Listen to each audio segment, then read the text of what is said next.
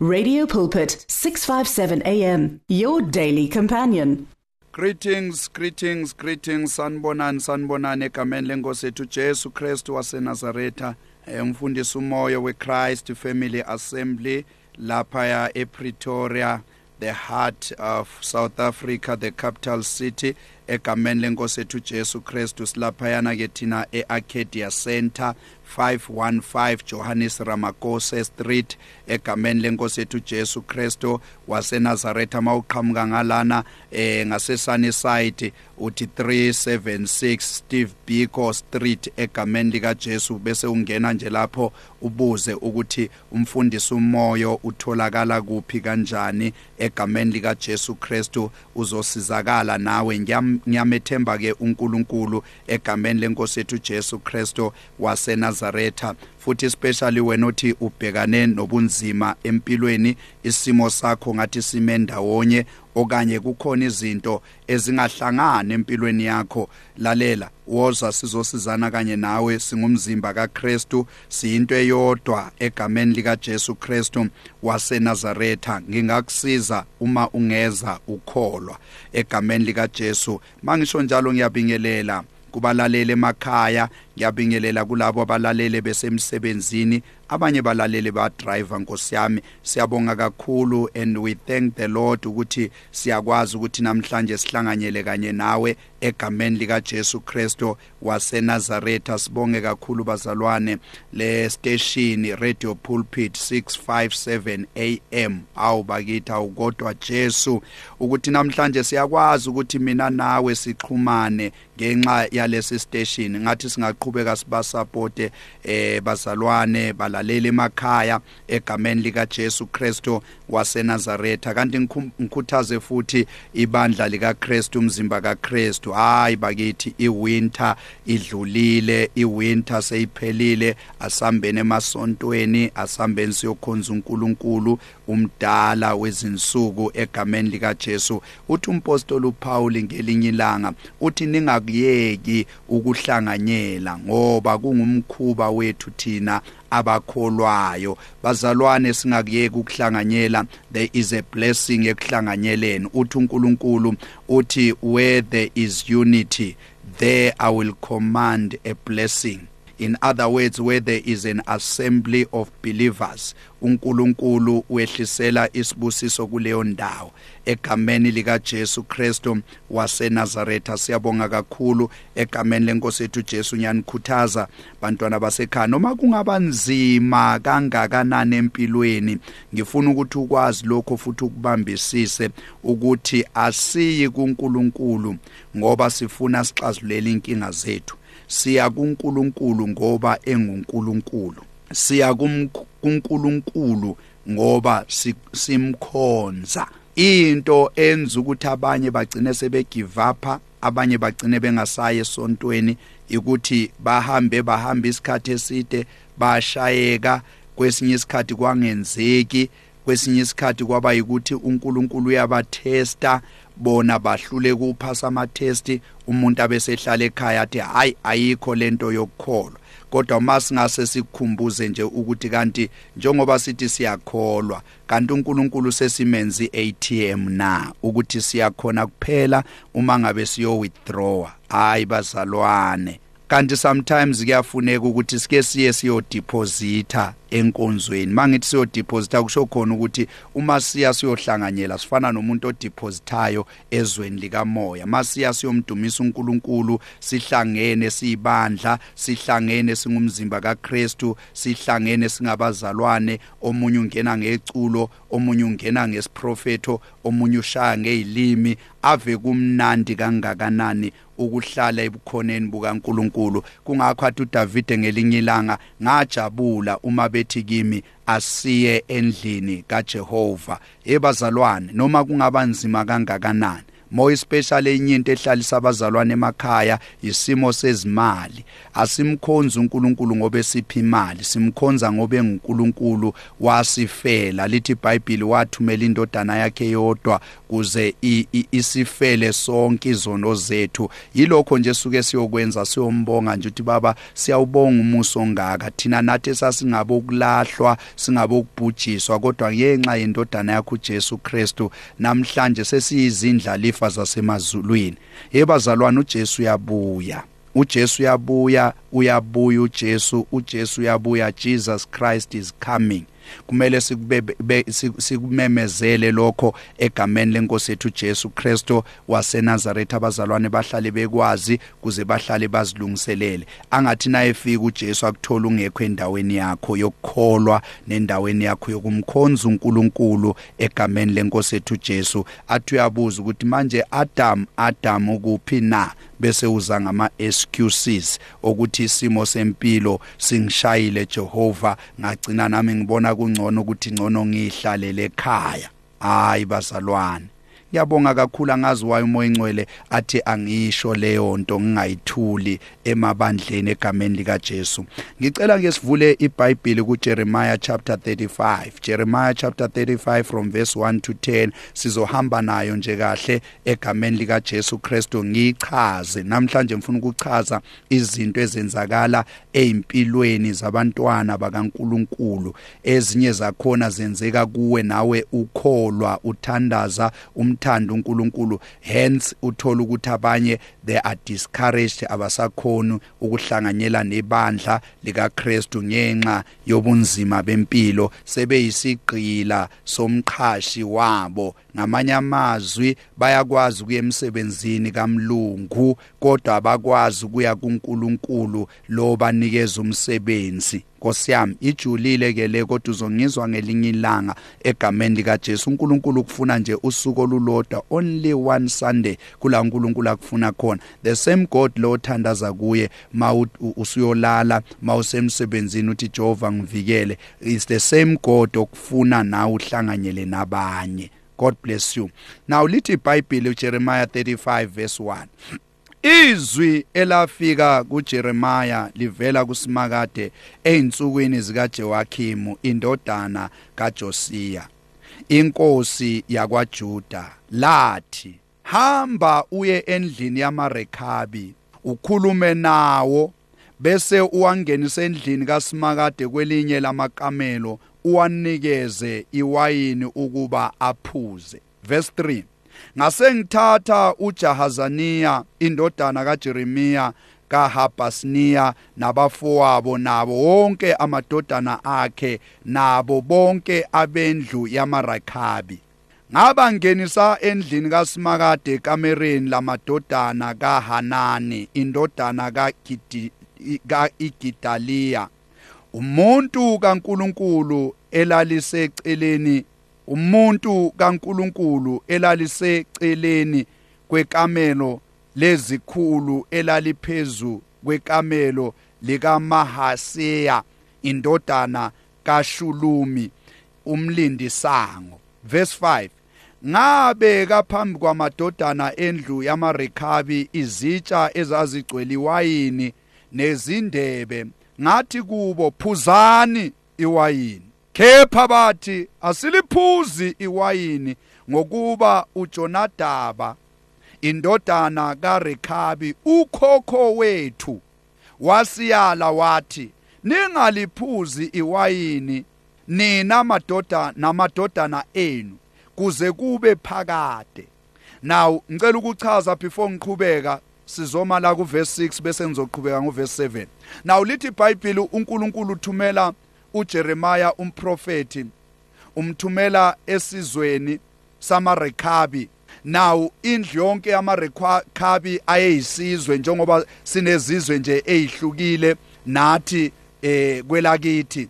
Sinawo amandebele sinawo sinawo amazulu sinabo abesuthu sinawo amatswana sinawo amapedi uyabona nje sinawo amavenda sinawo amatsonga sinawo e, e, abexhosa. Uyabona nje sinezizwe nezizwe ezihlukile. noRakabi naye wayengomunye wezizwe ezazikhona ezibaliwe la. Na uNkulunkulu uyamthumela ke uJeremiah uthi Jeremiah phuthuma uye esizweni samaRekabi uma ufika lapho ngicela ubaphathele into eyodwa baphathele iwayini. Now lithi iBhayibheli uma efika lapho kanti kwakunomlayezo okanye kwakunesifungo esasenziwe ngukhokho wabo. Lithi iBhayibheli ukhokho wabo kwakunguJonadabi. uJonadabi washiya efungile la wathi kulesi sizwe akekho umuntu ozophuza iwayini. Now njengoba efunga kanje uJonadabi kahle kahle wayebafakela imigomo nemibandela. Wayethi kubo akekho umuntu ozothokoza la ekhaya. Iwayini ngifuna ukuthi uyibambe le ndaba iwayini kahle kahle ngesibhayibheli. Uma silichaza lisho intokozo. Ngamanye amazwi uJeremiah uNkulunkulu wayethi akahambe ayonikeza labantwana bamaRakhabi intokozo. Ngamanye amazwi amaRakhabi ayengayazi intokozo empilweni yabo. Naw uJeremiah kwakumele ahambe ayobanikeza intokozo. Kunabantu engikhuluma nabo namhlanje abathi mfundisi ukhuluma nami mina empilweni yami angithokozanga. Baba ziningi izinto ezenzakala around mina eziqede injabulo yami eziqede ukuthokoza. Into nje okuthiwa intokozo angiyazi ngiyibukela mina komakhelwane okanye ngiyibuka kwabanye mina ngikaze ngathokoza ngihleli ngingumuntu okhalayo. Nawo uNkulunkulu uthumela kuJeremiah uthi hamba esizweni samaRakhabi ngoba ngifuna uyolwa naleli demoni elakhulunywa eliyisimo sesiqalekiso phezu kwamarakhabi. Kwathiwa akekho phakathi kwabo ozophuza iwayini. Ngamanye amazwi akekho phakathi kwabo ozoba nentokozo. Akekho phakathi kwabo ozojabula. Now verse 7 asambe. Lithi iBhayibheli ningakhi izindlu ningahlwanyeli nempewu ningatshali sivini futhi ningabi naso ngokuba niyakuhlala emathendeni zonke izinsuku zokuphila kwenu ukuze niphile isikhathi eside ezweni lapho nigogobele khona. Nawu naso esinye sesiqalekiso esaba khona. Uthi uJonadabi kubo laba bantwana okanye lesisizwe washiya ekhulumile wathi akekho umuntu phakathi kwabo ozoba nendlu akekho umuntu phakathi kwabo ozokwakha akekho umuntu phakathi kwabo ozohlwanyela imbewu. Yebazalwane niyakwazi ukuthi kusho ukuthini lokho? Balalele emakhaya. uJonadab in other words washiya efungile. Wathi kulomndeni akekho umuntu ozokwakha indlu. Right now njengoba ngikhuluma ngiyazi kukhona umuntu ongilalela osekhaya othi mfundisi umoya yazi ukhuluma nami baba. Seloke saqala ukwakha lo muzi kuze kube namhlanje lesi sakhiwa asikaze siphele. Omunye uthi ngina 3 years ngizama ukuqedelela lendlu u4 bedroom house kodwa awupheli angazi kwenze njani omunye uthi ngina 7 years abanye sebaze bagive up niyabona nayi kwagcina ngefoundation kwakhiwa. Kwenze njani? Kukhona umuntu owafungela lo muzi owafungela lo mndeni wakini. Wathi nina ngeke nakhe angeke niqede. Khona omunye wagcina edrobheni ethenge nje kuphela ibala. Ethenga igceke okanye wathenga indawo wathi uzokwakha kuze kube namhlanje awukaze wakhe lapho. Ubathe uyahlanganisa imali akuhlangani. Ubathe uhlanganisa imaterial akuhlangani. Kwenze njani? Ulwa nesifungo esakhulunywa ngokhokho bakho esakhulunywa ngabantu abakuzondayo esakhulunywa ngabantu abamelane nawe. Awu kodwa bakithi ngizokhuluma nabantu namhlanje okwafunga kubo kwathiwa angeke wakhe wena. Abanye sebathe bazama bakha imishado. Wena uthola umuntu after 2 years uyakulahla lo muntu. Abanye uthola umuntu athe sekuthembisile sekumele aze azokhipha inkomo azokulobola kuvele kuphelele emoyeni. Avele lo muntu abanye kuvele kushonwe kubo athathe yonke leyo mali iye le ku funeral imali yakhona okanye lo muntu ave kuvele kushone lo muntu okumele ngabe nguye umuntu okushadayo. Ngoba kwafungwa la ekhaya kwathiwa nina akekho umuntu ozokwakha la. Kodwa namhlanje nginamazwi uthi uNkulunkulu uJeremiah hamba ubaphathele injabulo. In other words sizophikisana nesifungo esakhulunywa phezulu kwempilo yakho esakhulunywa phezulu kwekhaya lakho. Abanye kwenze njani? Indaba yokwakha ijulile. Abanye njengoba ngikhuluma wena ungawuthola umsebenzi namhlanje kodwa every 6 months lo msebenzi uyaphela. Every 2 years lo msebenzi uyaphela. Abanye abanye bangavumelana nami. Awukaze waba permanent wena empilweni yakho. Uma uthola umsebenzi temporary njalo nabe retrench abantu kuqalwa ngawe. Kwenze njani? Kunesifungo sika Jonadabi esakhulunywa phezukwa lomndeni sathi angeke nakhe nina. Now nawufunda iBhayibheli uyaphambili lithi iBhayibheli esinye sesifungo esaba khona. Kwathiwa labantwana bamarakhabi okanye lesi sizwe samarakhabi angeke sitshale angeke siye emasimini noma singaye emasimini akho lutho luzomila lapho. Yebazalwane uma umuntu eqalekisile wathi ungatshali wafunga wathi wena ungaye emasimini kahle kahle usukathi wena ungawuthola umsebenzi. Ngoba amasimu ngalesiya sikhathi sesibhayibhili emandulo amasimu kwakuyiyona indlela abantu ababethola ngayo izilimo nesivuno esikhulu bese bayathengisa okanye bayadayisa emakethi bese bethola imali. Ngamanye amazwi amarakhabi uma engalimanga uma engazange aye emasimini ayotshala kwakusho ukuthi amarakhabi ayezophila kwi-state of poverty. Kwakusho ukuthi amarakhabi kwakungabantu ababezophila ngenhlupheko ngoba phela uma bengatshalanga lutho babezodayisana babezothengisana emakethe. In other words uJonadab umoya kaJonadab wawufungile wathi akekho umuntu ozoya emasimini akekho umuntu ozothola umsebenzi. Amasimu kulesi sikhathi esiphila kuso kufana nomsebenzi njengoba nawe usebenza uvuke ekseni uye emsebenzini kamasipala uvuke ekseni uye emsebenzini kagovernment uvuke ekseni uye emsebenzini ebhizinisini lakho. Angazi usebenza kuphi kodwa nawe unawo amasimu akho. Inyanga nayiphela nawuthola isivuno sakho.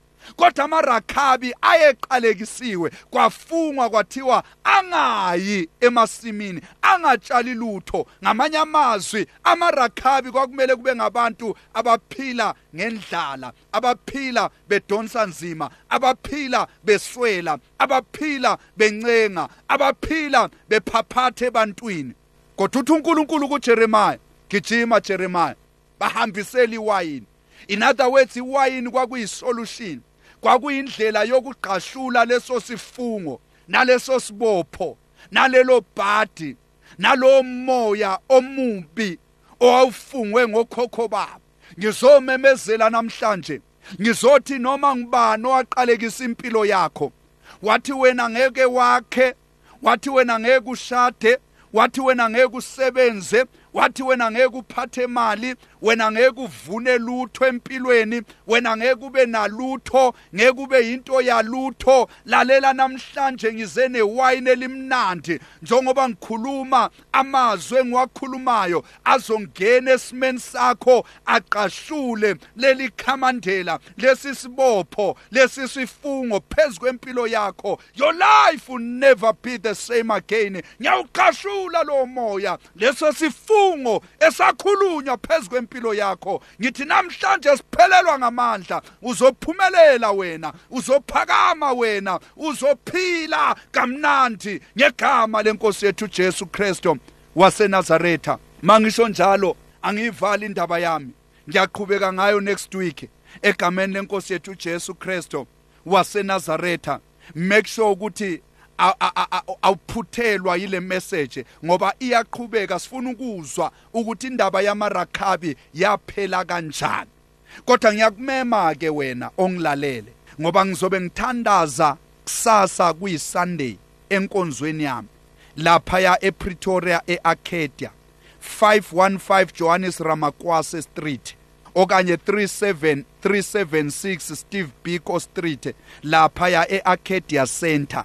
Ngizobe ngiqashula zonke izifungo zabathakathi zonke izifungo ezakhulunywa phezulu kwefamily yakho phezulu kwabantwana bakho phezulu kwempilo yakho. Ngicela ukuthi ungalovi ngicela ube khona ngo9 ekseni sobe silapho inkonzo iqala egameni lika Jesu Kristo waseNazaretha. Sizoqashula lo moya kaJonathan. Kungenzeka ustakile kanje empilweni. It is because ilelo demon lesifungo lifungile libamba impilo yakho. Kodwa ngizokusiza uNkulunkulu akubusise god bless you asihlangane kusasa The words of the Lord are words of life. Your heart is on 657 AM. 657 AM. Radio for believers in action.